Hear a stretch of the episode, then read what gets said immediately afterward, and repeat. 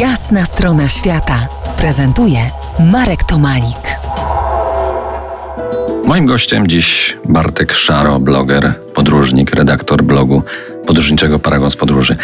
Wróćmy do tematu fotografowania, rejestracji naszych podróży. W podróżach fotografujemy coraz częściej po to, by zapełnić treścią swoje konta w mediach społecznościowych lub aby pokazać siebie w jakiejś wyjątkowej scenerii. Jakie są tego konsekwencje? Myślę, że przede wszystkim tracimy to, co jest e, najważniejsze w podróżowaniu, albo jest jedną z najważniejszych rzeczy, czyli realne e, przeżywanie momentów, ponieważ skupiamy się na tym, żeby coś sfotografować, żeby to jak najładniej wyglądało w naszych e, kontach w mediach społecznościowych, a kompletnie powoli, powoli tracimy zainteresowanie tym, jaki to ma wpływ na nas samych, co odbieramy jako coś bardzo złego.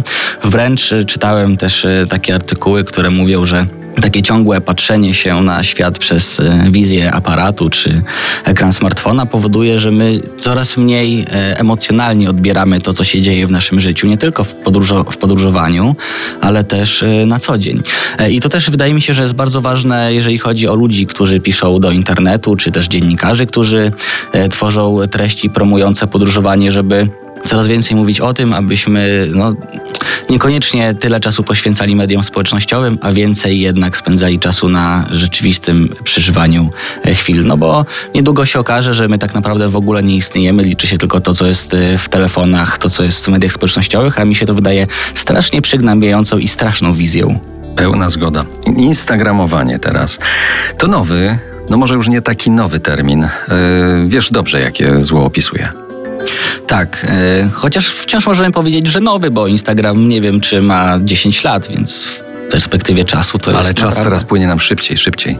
Szybciej to prawda, ale my ciągle żyjemy po 60, 70, 80 lat, więc w przekroju naszego życia to wcale nie jest tak dużo. Dobrze, a jakie są y, tutaj te zagrożenia tego instagramowania? Konkretnie chciałbym Cię zapytać.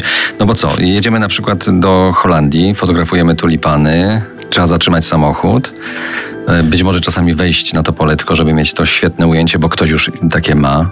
I co się tak, dzieje wtedy? Tak, e, moda na instagramowe zdjęcia niesie ze sobą konsekwencje po prostu ekonomiczne dla wielu osób, z czego sobie również nie zdajemy bardzo często sprawy. I było już wiele takich afer, możemy tak to nazwać, e, na świecie, gdzie turyści dla ładnych zdjęć demolowali po prostu zupełnie pola, czy to tulipanów w Holandii, czy to yy, słoneczników e, w Australii. Więc też jest olbrzymia prośba dla osób, które, do osób, które lubią sobie robić zdjęcia w podróży. Po prostu myślmy, używajmy też głowy.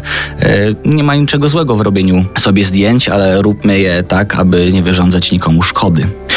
I kolejne przekazanie świadomego turysty. Nie podejmuj ryzyka, żeby mieć się czym pochwalić. Tak, no już niektórzy ludzie się do tego stopnia posunęli, że dla ładnych zdjęć y, po prostu zabili się. Szczególnie tutaj chodzi o jakieś ekscytujące selfie, no i tam kilkaset osób w przeciągu kilku ostatnich lat zginęło właśnie w ten sposób. Nie róbmy tego.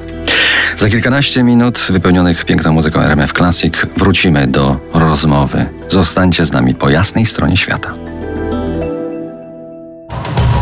To jest jasna strona świata w RMS Classic.